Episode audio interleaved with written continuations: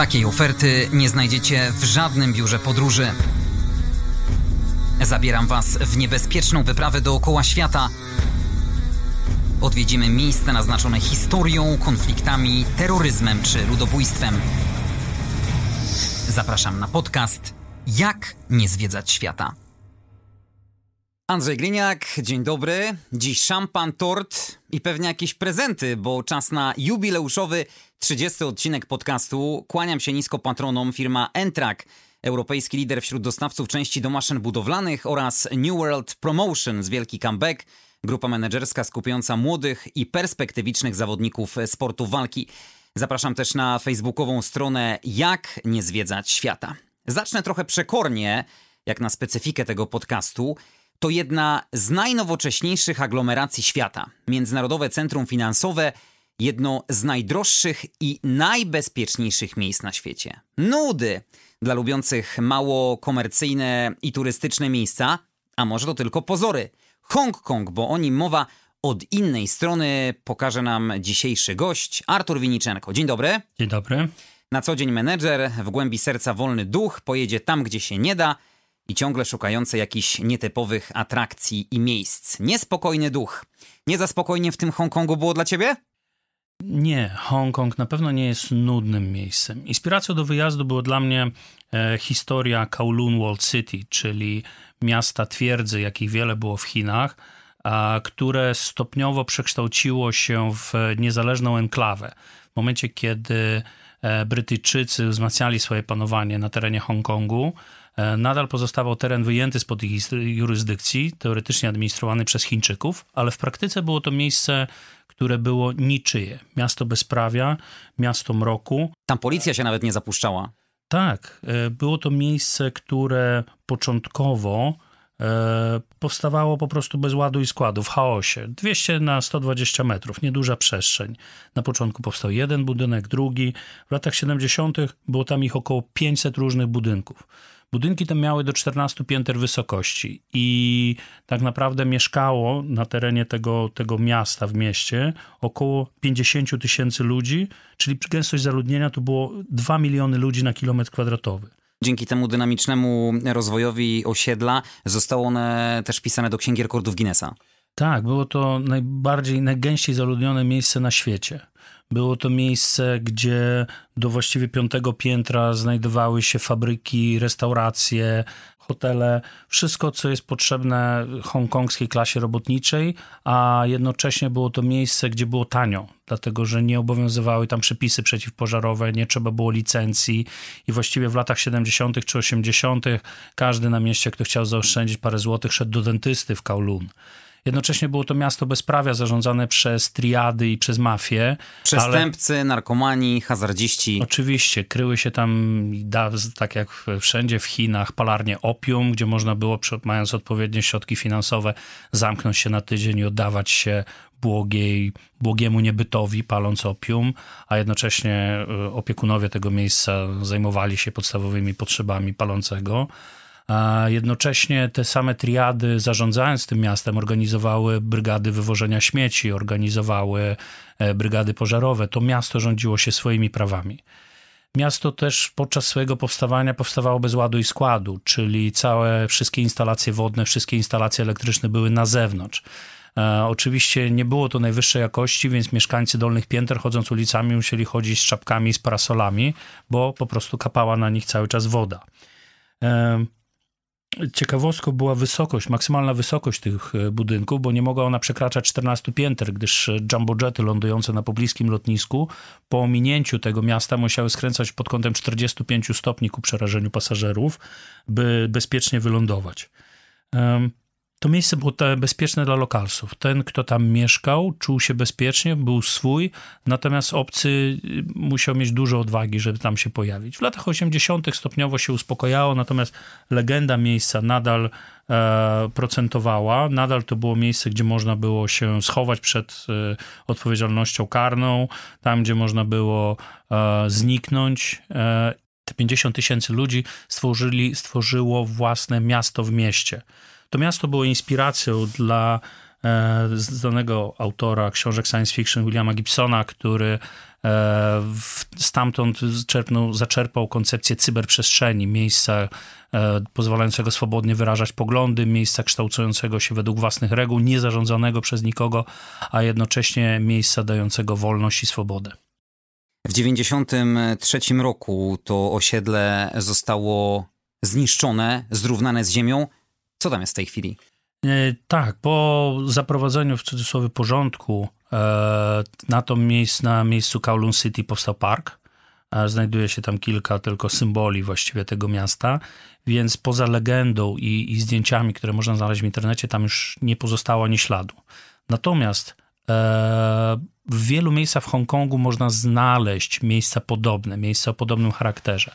Hongkong w latach 70. borykał się z problemem przeludnienia, w związku z czym zaczęły powstawać gigantyczne budynki i przy czym gigantyczne mam na myśli tu budynki, które miały po 5 tysięcy mieszkańców, kolosy, molochy, e, rządzące się swoimi prawami, gdyż e, w miarę ich rozwoju jedni mieszkańcy byli wypychani przez innych mieszkańców, potem pojawiał się biznes.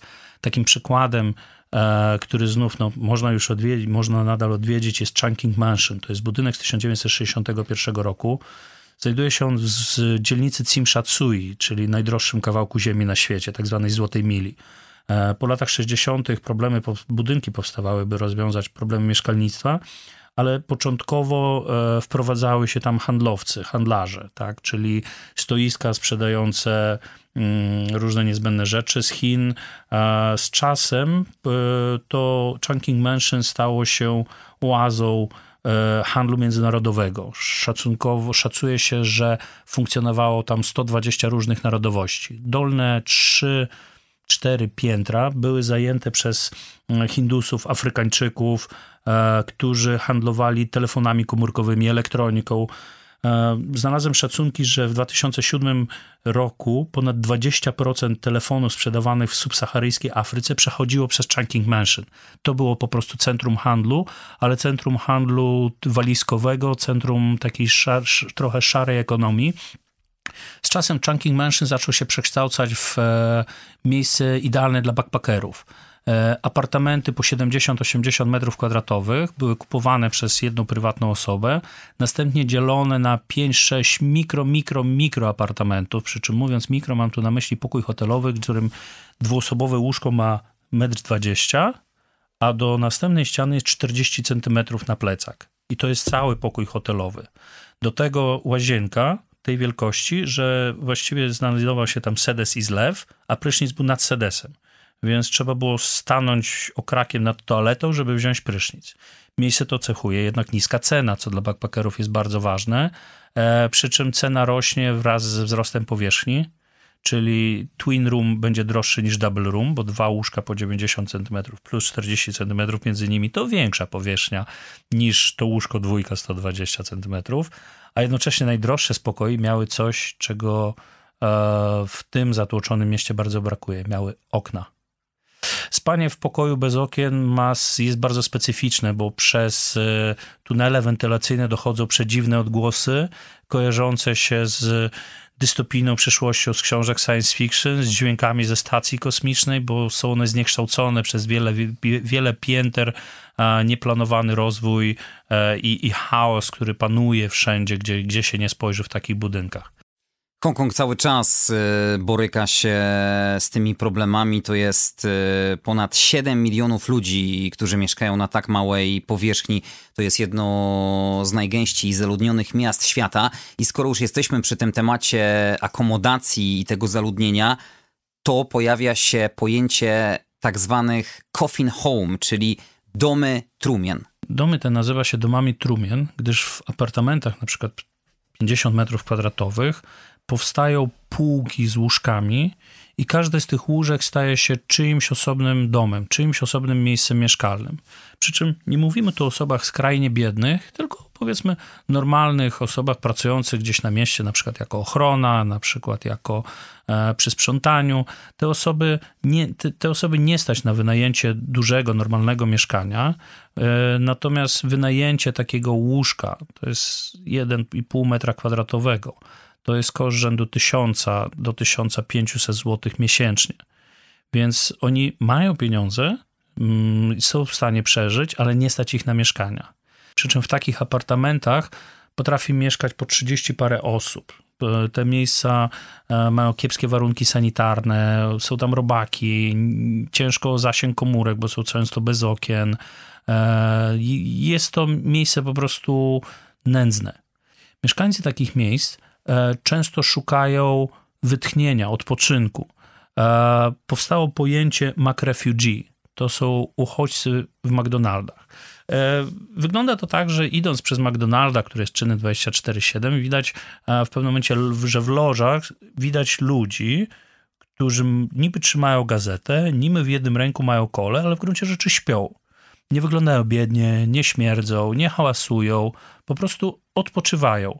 Potem dopiero, y, kiedy, kiedy zacząłem badać temat, okazało się, że jest cicha umowa między władzami McDonaldów w mieście, a jednocześnie tymi ludźmi śpiącymi w Coffin Homes, że mają oni prawo przyjść odpocząć, bo z ich punktu widzenia McDonald's to jest krok do przodu.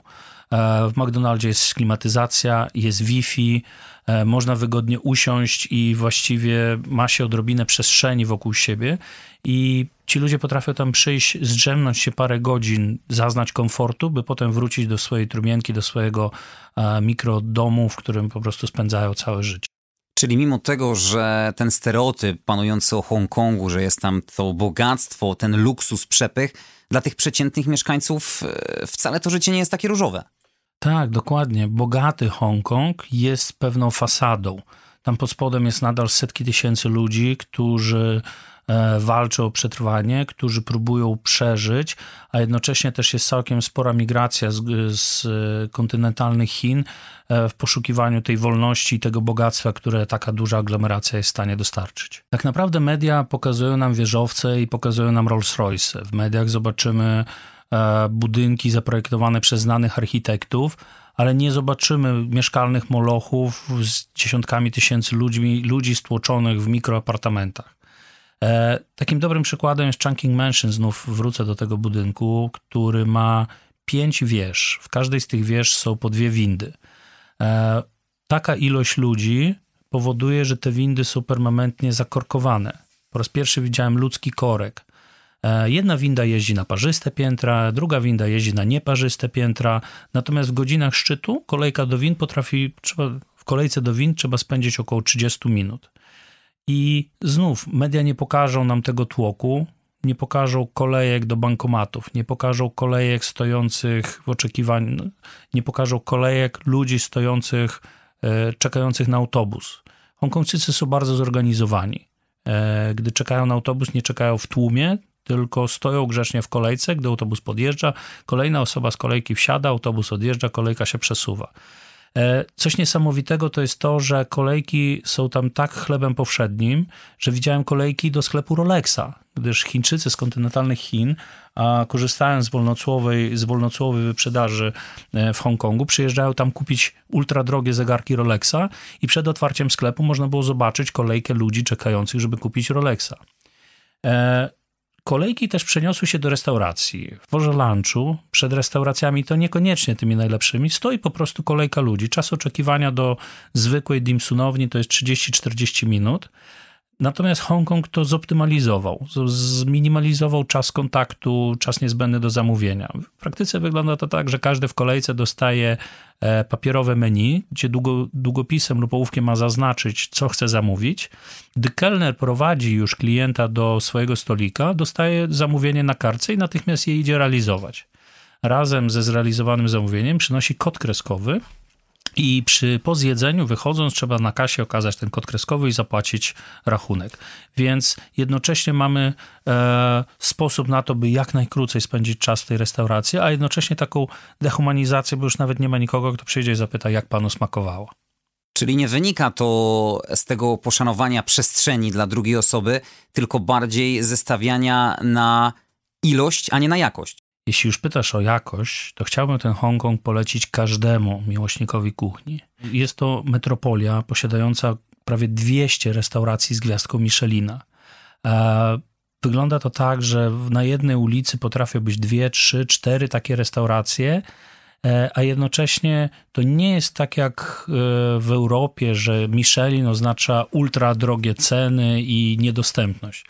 E, w Hongkongu znaleźć można najtańsze na świecie restauracje z gwiazdką Michelina. Można pójść zjeść dimsuny z gwiazdką Michelina, płacąc za nie równowartość 12-15 zł.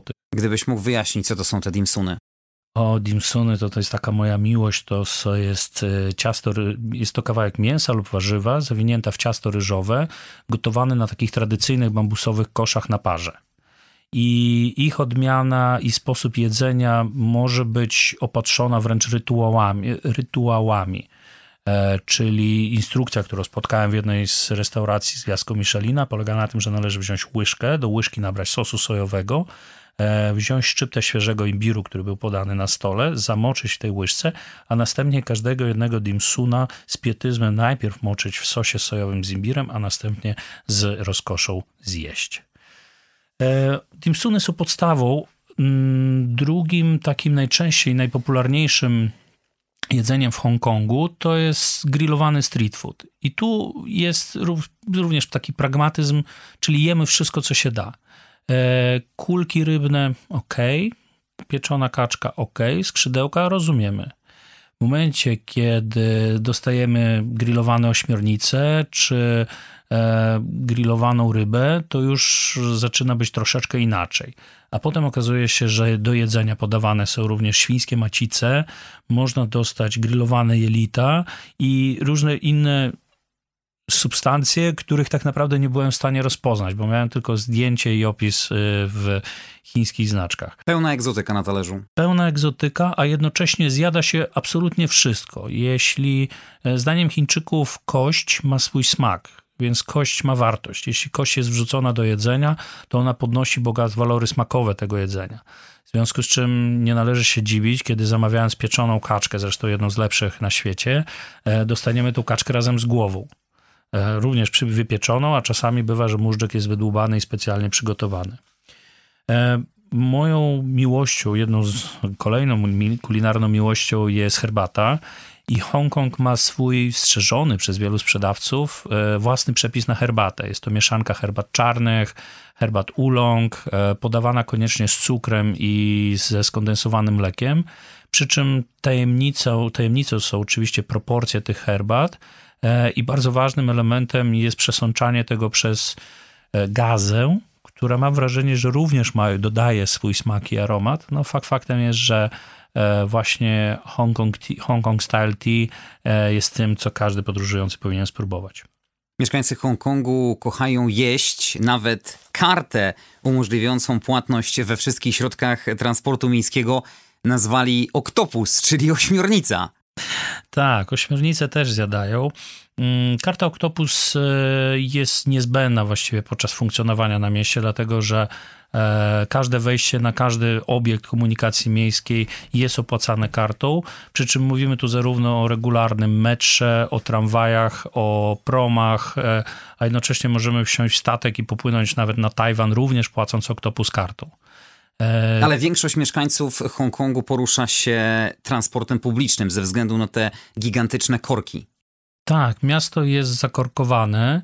E, I samochodów jest dużo i wydaje mi się, że jest, każdy z samochodów jest obarczony wielkim podatkiem, w związku z czym posiadanie samochodu jest e, symbolem luksusu.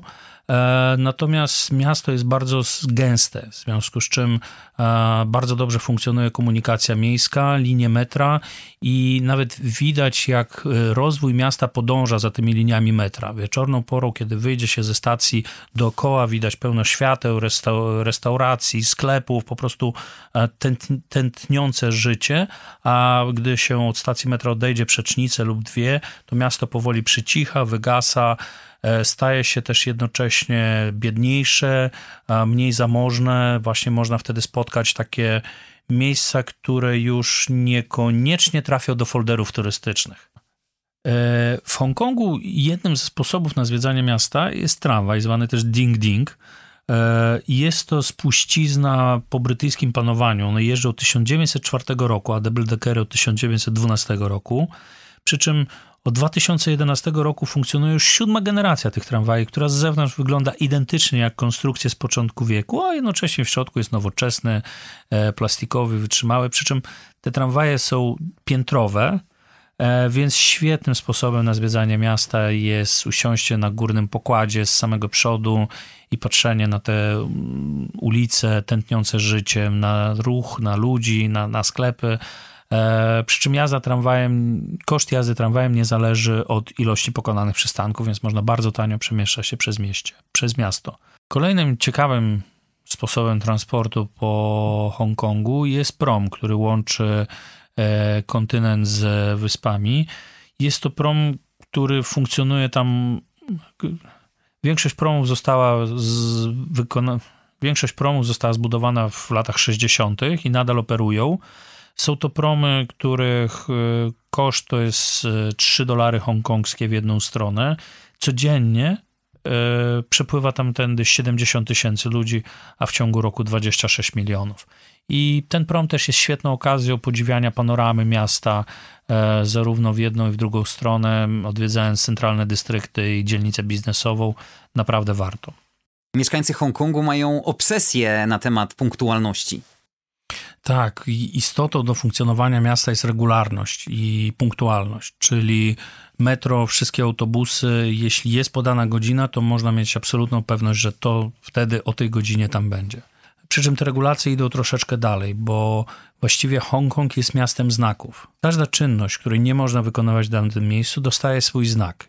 I o ile zrozumiałe są znaki dotyczące zakazu plucia, zakazu śmiecenia, to y, warto na nie patrzeć, bo w wielu miejscach są zaskakujące.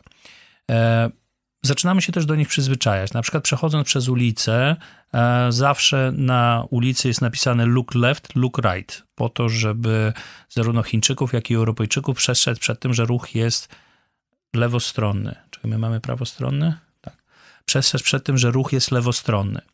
Dalej, jeśli idziemy głębiej w miasto, zaczynamy dostrzegać też znaki nietypowe. O ile można zrozumieć, że zakaz karmienia gołębi jest opatrzony informacją, że mandat za to wynosi 5000 dolarów hongkongskich, to zakaz śmiecenia na, na śmietniku e, sugeruje, że rzucenie śmiecia obok śmietnika może się spotkać z poważnymi konsekwencjami. Idąc dalej, e, w parku widziałem zakaz suszenia prania, co jest o tyle zrozumiałe, że ludzie mieszkający w tak ciasnej przestrzeni po wypraniu e, swoich ubrań po prostu nie mają gdzie, gdzie ich rozwiesić. W związku z czym w budynkach powstają olbrzymie suszarki wiszące na zewnątrz, które oczywiście powodują, że te budynki przestają już mieć tą swoją szklaną, szklano-metalową e, fasadę, a stają się takimi e, trochę gettami, trochę miejscami, gdzie można zajrzeć przez okno i zobaczyć życie ludzkie. Tam rzeczywiście te restrykcje są tak rygorystyczne, że za choćby palenie papierosów e, w miejscach publicznych można zapłacić wysoki mandat, a nawet pójść do aresztu? Wiesz co, nie spotkałem się z tym, może dlatego, że nie paliłem tam. Fakt faktem jest, że e, widać przestrzeganie tych przepisów. E, widać też e, umiejętność Hongkongczyków do dostosowywania się sytuacji, do sytuacji. Wszędzie, gdzie podróżowałem, jeśli ruch był prawostronny, wiadomo, że na chodniku tłumy ludzkie, prawa strona porusza się do przodu, lewa strona jest w przeciwnym kierunku. Natomiast tylko w Hongkongu widziałem sytuację, gdzie ten ruch płynnie przechodził z prawostronnego na lewostronny. Chińczycy mają w sobie umiejętność dostosowywania się do warunków i kiedy tłum idący prawą stroną chodnika nagle skręca w lewą stronę, idzie już teraz nagle staje się ruchem lewostronnym, nie zdarzały się uderzenia, zderzenia się z ludźmi. Po prostu w jakiś magiczny sposób to jest miasto, które ludzi, którzy się dostosowywują, dopasowywują i nadal umieją funkcjonować pomimo swoich ograniczeń. To prawda, że tam prostytucja jest legalna? W Hongkongu nielegalne są miejsca, w których mogłaby pracować więcej niż jedna dziewczyna. Więc powstały jednoosobowe domy rozkoszy, jednak zostały one dopasowane do realiów tego miasta. To znaczy, największy z domów rozkoszy znajduje się Fuji Building, gdzie 18 z 22 pięter to są jednopokojowe przybytki przyjemności. I e, stosuje się tam taki formę window shopping, trochę jak w Amsterdamie, to znaczy idąc korytarzem, puka się do drzwi, na których jest symbol pokazujący, że tam dane miejsce nie jest zajęte, następnie e, drzwi zostają otwarte, mówi się hello, a dokonuje się, prawda, kontaktu wzrokowego i sprawdza się, e, czy dana usługa nam odpowiada, czy nie. Ewentualnie mówi się no thank you i idzie się dalej. Można spotkać wielu Chińczyków robiących to samo. E, popularne są też e, compensation dating, czyli randki sponsorowane. Mm, bardzo popularne są coś, co się nazywa Japanese Style Nightclubs. To są już kluby nocne. Przy czym też jedną z, ze sposobów zabaw e, popularnych w Hongkongu są po prostu karaoke, gdzie w niewielkim pomieszczeniu zamyka się kilku przyjaciół, zapraszane są atrakcyjne dziewczyny, leje się alkohol i po pijaku śpiewa się karaoke. Zaznajomiłeś się podczas e, swojej wizyty z jakimiś mieszkańcami Hongkongu? Poznałeś ich mentalność? E, Hongkongczycy wydają się być zamknięci. Na pewno jest też bariera językowa ta bariera językowa być może blokowała w wielu miejscach kontakt, ale mam wrażenie też, że są to, są oni ludźmi dość zamkniętymi. E, sprowadza się to do tego, że pomimo sytuacji, w których kontakt powinien być oczywisty, on nie następował. Na przykład stojąc w kolejce do restauracji, ponieważ byłem sam, e, to e, zostałem dosadzony do czteroosobowego stolika z jednym wolnym miejscem, gdzie siedziała chińska rodzina traktowali mnie jak powietrze. Nie istniałem dla nich. Ich prywatność ograniczała się do i tylko ich, a moja była bardzo szanowana. W związku z czym, mimo że siedziałem przy stoliku z nimi, e, miałem te swoje parę centymetrów kwadratowych z moim talerzem, moimi sztućcami, gdzie po prostu jadłem, a oni dalej kontynuowali jedzenie, nie zwracając na mnie uwagi. I to się, mam wrażenie, przenosi również na takie codzienne funkcjonowanie na ulicach. Po prostu jest tak dużo ludzi, że prywatność jest bardzo szanowana. E, pomimo tłoku starają się tą prywatność zachowywać i osoba, która stara się nawiązać kontakt, jest traktowana raczej z pewnym dystansem. Jest takim e, troszeczkę intruzem na czyjąś prywatność, dlatego że tych ludzi po prostu tam jest za dużo. Oprócz Kowloonu, czyli tego nieistniejącego już osiedla bezprawia, coś jeszcze było dla ciebie inspiracją, która spowodowała, że odwiedziłeś Hongkong? Tak, inspiracją do podróży Hongkongu jednocześnie była książka Terzaniego Powiedział mi wróżbita. E, autor tej książki opisuje Autor tej książki, około 20 lat przed jej napisaniem, e, poszedł w Hongkongu na ulicę wróżbitów i jeden z nich przypowiedział mu, że nie powinien latać za 20 lat od teraz. I pomimo, że był to uliczny wróżbita wróżbący z ręki, to Terzani bardzo zapamiętał sobie tą przepowiednię i gdy nadszedł ten rok, który miał nie latać, wybrał się w podróż po Azji, opisując ją w książce. I ta książka w wielu miejscach pokazała mi Azję, której nie znałem. Pokazała mi Azję e, pełną duchów, pełną wierzeń, pełną religii, przepowiedni, wróżb i, i wszelkiej maści wróżbitów. I ta książka pokazała mi nowy punkt widzenia na to Azję i chciałem doświadczyć tego, co Terzani, czyli również e, w Hongkongu pójść do wróżbity i tak uczyniłem. Co ci przepowiedzieli? O ile możesz zdradzić. Nie powinienem. Ulica Wróżbitów to tak naprawdę zestaw namiotów. W każdym namiocie znajduje się właśnie wróżbita. I oczywiście, tak jak wszędzie w Hongkongu, e, do najlepszych ustawiają się kolejki, więc są krzesełka po to, aby w tej kolejce bezpiecznie sobie posiedzieć. Niestety nie wszyscy z nich mówią po angielsku więc to ograniczyło mój kontakt z nimi. Natomiast ta ulica cieszy się dużym powodzeniem, bo kiedy sprawę trzeba wyjaśnić lub sprawdzić, co to będzie w tej przyszłości, to po prostu jest dystrykt, w którym znajdują się te ci wróżbici, jedzie się do nich, płaci się za przepowiednie i dostaje się tą przepowiednię na temat przyszłości lub e, sposobu postępowania. Jak drogo trzeba zapłacić za taką wróżbę? Niestety nie pamiętam. Drugim miejscem o podobnym klimacie, czyli z kolei e, ulica Przeklinaczek. Mm, jest to miejsce, które tradycyjnie w, e, według chińskich wierzeń musi znajdować się w miejscu zakrytym, w miejscu e, pod dachem, z niewielką ilością światła. W każdym razie w Hongkongu jest to Canal Street i to jest tak naprawdę pod autostradą, znajdują się przeklinaczki, zawodowe przeklinaczki. Kobiety, których rolą jest y, wysłanie mm, przekleństwa na kogoś, czyli złego losu. E, gdy zbliża się do tego miejsca, słychać takie głośne stukanie, e, gdyż każda z tych kobiet e, reklamuje siebie, pokazując siłę, z jaką swoim klapkiem będzie uderzała w kartkę, na której zapisane jest imię osoby, którą chcemy przekląć. Cały rytuał składa się z kilku etapów. Na początku e, jest to palenie kadzidła i świeczki jako daru dla bogów. Następnie imię mm, osoby, którą chcemy przekląć, jest zapisane na takim papierowym talizmanie. To jest taki talizman tradycyjnie używany w tradycyjnej medycynie, używany jako talizman zdrowotny. Znajdują się na nim takie mityczne symbole. I teraz to imię zostaje owinięte kilkoma innymi papierkami z e, magicznymi, być może religijnymi znakami. Następnie mm, każda z pań ma swój ulubiony klapek, kapeć, czy ewentualnie e, coś z twardym obcasem i to imię zostaje zbite do takiego stopnia, że ten papier po prostu się przeciera. Następnie, gdy już e, przekleństwo zostanie odpowiednio skierowane, e, następuje podziękowanie Bogom, którzy, do których e, to przekleństwo zostało wysłane i główną rolę pełni tutaj biały tygrys. Jest to król mitologiczny zwierząt, według niektórych wierzeń chińskich nawet przodek wszystkich ludzi, symbol mocy i siły. I żółta podobizna tygrysa koniecznie musi mieć zęby.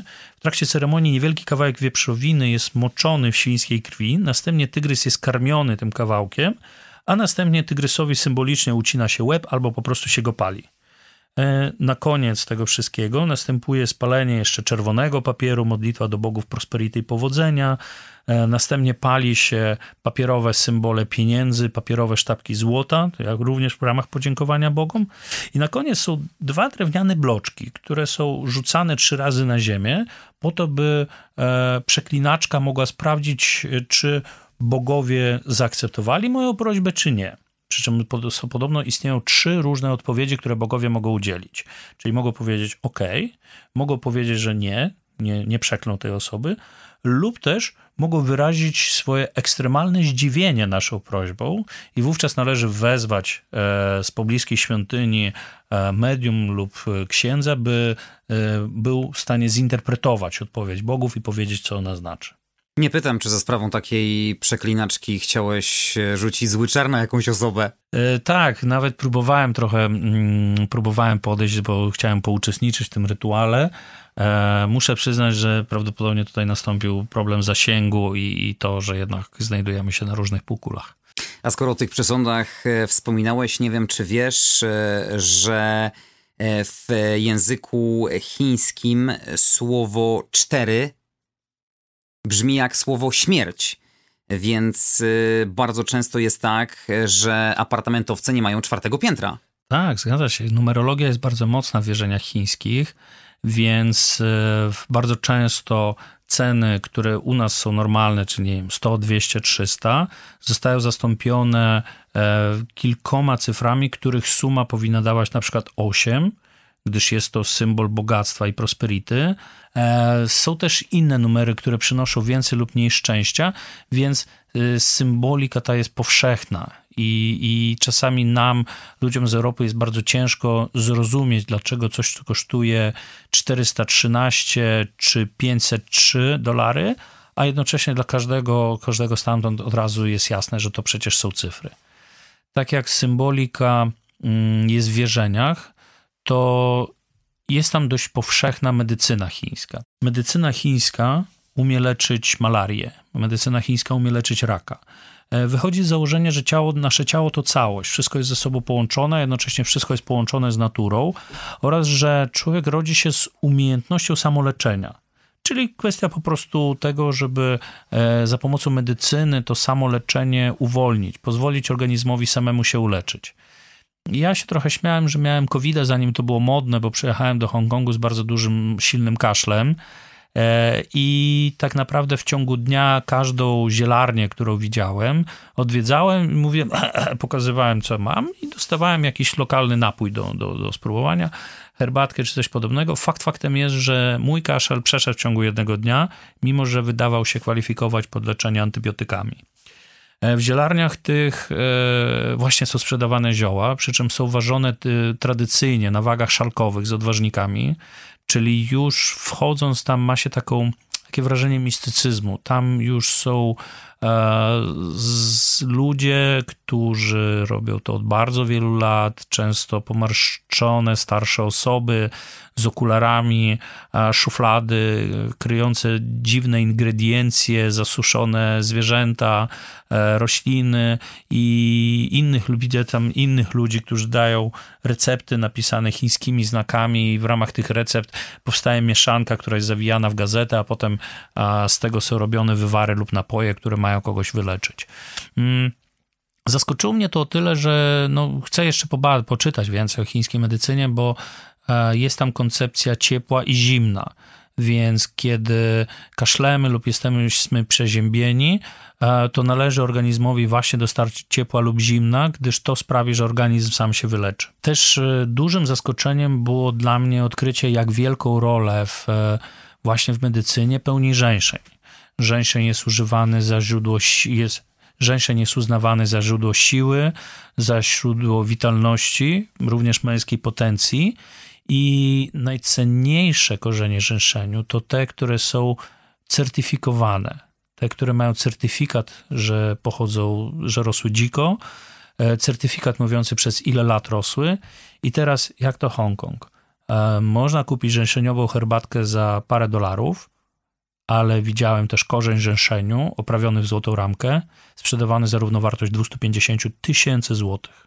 Hongkong to jedno z najdroższych miejsc na świecie. Jak kształtują się ceny dla kieszeni takiego przeciętnego turysty? Myślę, że Hongkong jest przyjazny backpackerom ze względu na swoje opcje, liczne opcje. Tak? Można się przespać faktycznie w pokoju bez okien, przy czym po protestach e, w 2019 te ceny znacząco spadły. E, można poruszać się komunikacją miejscą, właściwie dotrzeć w każde dostępne miejsce i koszty tego również są niewielkie. Można żywić się w Michelin Star, w restauracjach z gwiazdką Michelina, płacąc 12-15 zł za posiłek, więc ośmieliłbym się powiedzieć, że Hongkong może być miastem tanim, ale jednocześnie e, jest to miasto, które osobom z trochę grubszym portfelem oferuje bardzo dużo możliwości wydania tych pieniędzy. Hongkong jest mieszanką absolutnie wszystkiego. Na ulicach można zobaczyć biznesmenów, którzy z biura wyszli na lunch, można zobaczyć turystów, można zobaczyć również osoby biedne, które po prostu skulone siedzą w kącie. E, jest tam czysto, jeśli chodzi o samochody, to już każdy jeden samochód powinniśmy postrzegać tak, jakby był przynajmniej Mercedesem, bo e, koszty jego posiadania są znaczne. E, jednocześnie są tam lądowiska helikopterów na dachach wieżowców, są tam Bentley i Rolls-Royce pomykające ulicami, więc znów zależy, w której dzielnicy jesteś i o jakiej porze. Taką ciekawostką jest Jedna z dzielnic biznesowych w weekendy zamienia się w coś nieprawdopodobnego. Staje się barwnym bazarem, staje się miejscem, gdzie dziesiątki tysięcy filipińskich, e, hinduskich, pakistańskich pracowników, którzy na co dzień mieszkają gdzieś tam, w, które na co dzień na przykład sprzątają domy, opiekują się dziećmi, opiekują się osobami starszymi, to chcą się jednak spotkać, chcą się zobaczyć, chcą się, e, chcą pobyć w środowisku ludzi podobnych do siebie. W związku z czym oni e, zasiedlają podziemne tunele oraz place e, dzielnicy biznesowej i to wszystko przez dwa dni weekendu staje się takim barwnym, kolorowym targiem. Można tam zrobić paznokcie, można się obstrzyć na ulicy, można pogadać z przyjaciółmi z tego samego kraju, można skorzystać z kogoś, kto ma tańsze połączenia, więc na przykład zadzwonić do rodziny. Dla wielu jest to też okazja na piknik, bo przynoszą koce, przynoszą jedzenie, przychodzą całe rodziny i każdy, e, każda z takich rodzin zajmuje parę metrów kwadratowych chodnika, Czasem bywa, że obgradza się nawet tekturkami, po to, żeby mieć odrobinę prywatności i spędzają ten czas na wolnym powietrzu lub też jeśli pada, to, to pod ziemią, jak gdyby w, jako formę spędzania wolnego czasu na przestrzeni, bo tej przestrzeni w Hongkongu dramatycznie brakuje. Jest to miasto zatłoczone, ciasne i cholernie drogie.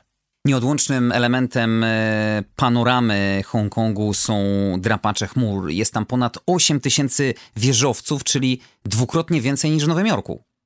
Tak, wieżowce tworzą niesamowitą panoramę. Szczególnie polecam e, wybrać się Peak Tram, czyli tramwajem z 1800 bodajże 80 roku zbudowanego przez Brytyjczyków, można stamtąd zobaczyć tą biznesową część miasta. Natomiast kiedy spojrzy się dalej w kierunku horyzontu, to stoją tam budynki mieszkalne, budynki molochy, budynki, które powstały, by e, za, z, tak naprawdę zaadresować problem przeludnienia Hongkongu.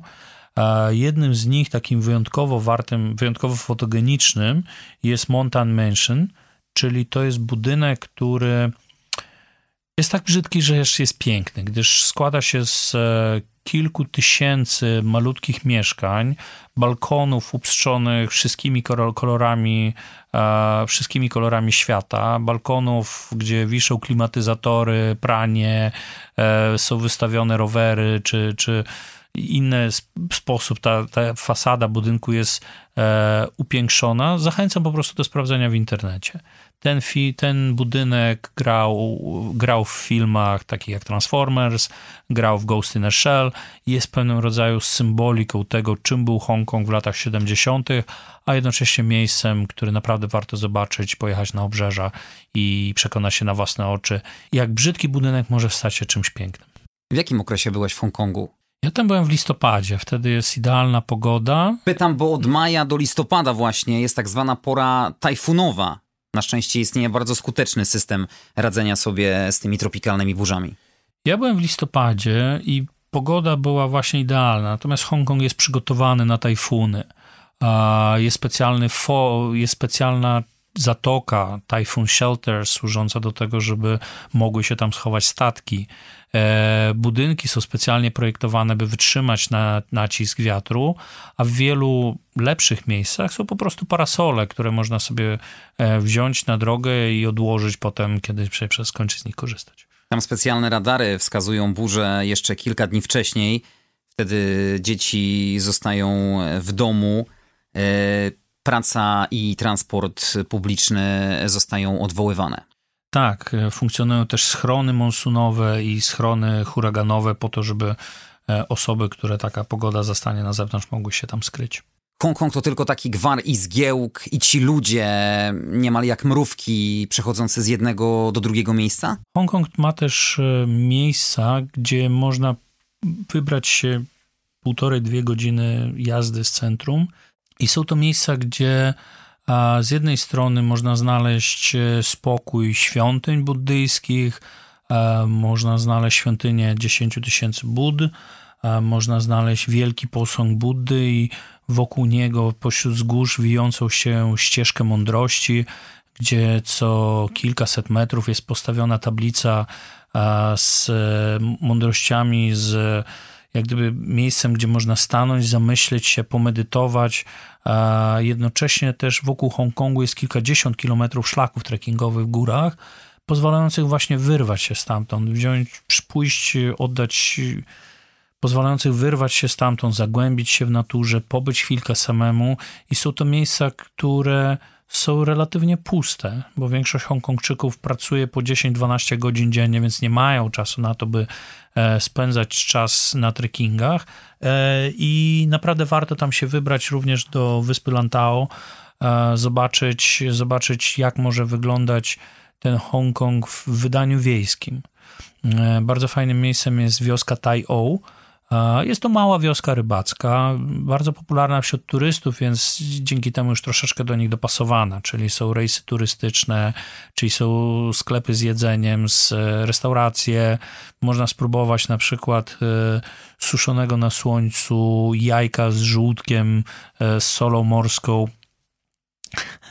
Można też e, zobaczyć, jak wygląda taka, taki Hongkong kilkadziesiąt lat temu, tak? Hongkong mały, cichy, spokojny, pełen uśmiechniętych, wyluzowanych ludzi, których jedynym zmartwieniem jest, czy złapią dzisiaj rybę, czy nie. Ty chciałeś poznać Hongkong z tej drugiej, niekomercyjnej strony. I można powiedzieć, że udało ci się to podwójnie, bo przyjechałeś akurat w niezbyt spokojnym dla tego miejsca czasie. E, do Hongkongu pojechałem w 2019 roku, kiedy ilość turystów znacząco spadała ze względu na protesty, które w Hongkongu miały miejsce. Według narracji zachodnich mediów były to protesty prodemokratyczne, e, gdyż Chiny ogłosiły e, nowe pra- próbowały wprowadzić przepisy administracyjne, w ramach których osoba aresztowana w Hongkongu może być sądzona w Chinach lub Tajwanie. Podczas tej mojej wizyty mogłem na własne oczy zobaczyć, jak wyglądają te protesty. My byliśmy karmieni obrazami wielkich barykad, gazu łzawiącego i informacjami o protestujących zestrzeliwanych przez policję. Ja na miejscu zobaczyłem tak naprawdę demonstracje ludzi wyrażających swoich poglądy, swoje poglądy. I też e, widziałem pewną perspektywę, nabrałem pewną nową perspektywę, bo e, tak naprawdę to, co widzieliśmy w naszych mediach, zostało bardzo silnie podkoloryzowane. E, protesty te w gruncie rzeczy były antychińskie, a nie antydemokratyczne. I tak naprawdę i wielu moich znajomych dało się zmanipulować w poglądy, które powodowały, że oni wspierali tych protestujących. A w gruncie rzeczy, na miejscu, kiedy zacząłem e, głębiej wchodzić w temat, okazało się, że prawo, które Chińczycy wprowadzili, dotyczyło ekstradycji przestępców. Czyli polityczni aktywiści nie byliby wcale sądzeni ani w Chinach, ani w Tajwanie. Co więcej, w Hongkongu przez 150 lat brytyjskiego panowania e, szef administracji był wybierany niedemokratycznie. Brytyjczycy po prostu mianowali. Natomiast to Chińczycy po wprowadzeniu swoich rządów jako pierwsi demokratycznie wybrali osobę zarządzającą Hongkongiem. Więc odnoszę wrażenie, że te protesty zostały mm, tak nam przedstawione, byśmy je popierali, a w gruncie rzeczy e, były dużą, dużym zakłóceniem porządku publicznego w mieście, bo blokowały główne arterie komunikacyjne i wydaje mi się, że e, w wielu miejscach reakcja policji była na tyle uzasadniona, że e, nie. Że Ci protestujący miejsc... byli rzeczywiście tak bardzo agresywni? Ci protestujący robili barykady i blokowali główne miasta, niszczyli sklepy, podpalali samochody.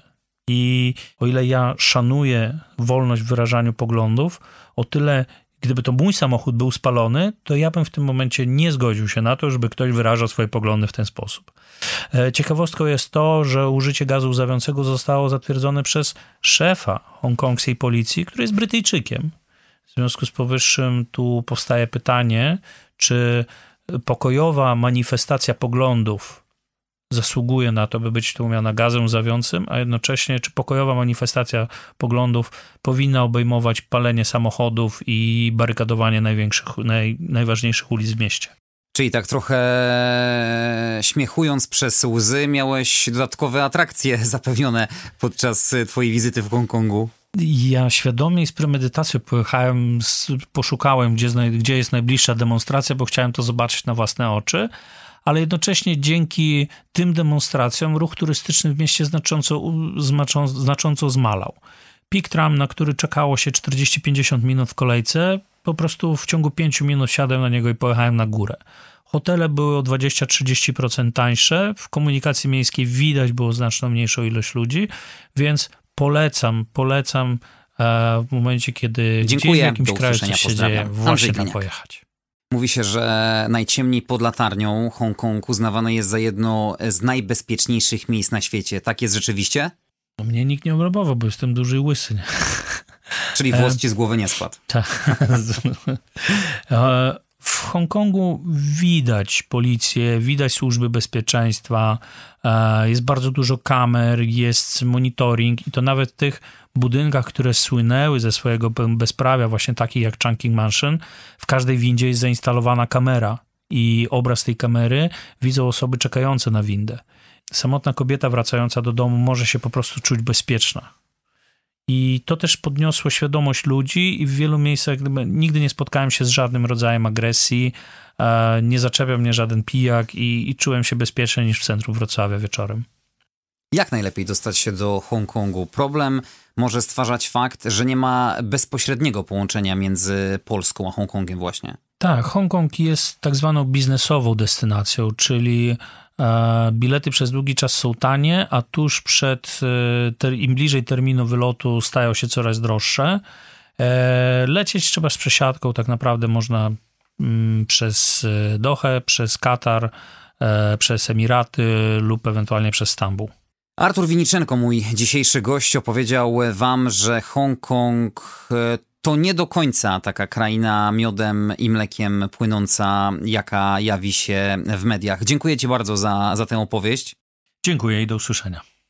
A my słyszymy się tradycyjnie w kolejny poniedziałek po godzinie 20. Zapraszam jeszcze na mm, odwiedzenie facebookowej strony podcastu Jak nie zwiedzać świata. Tam pewnie Artur podrzuci nam jakieś ciekawe fotki. Dziękuję, do usłyszenia, pozdrawiam. Andrzej Gliniak.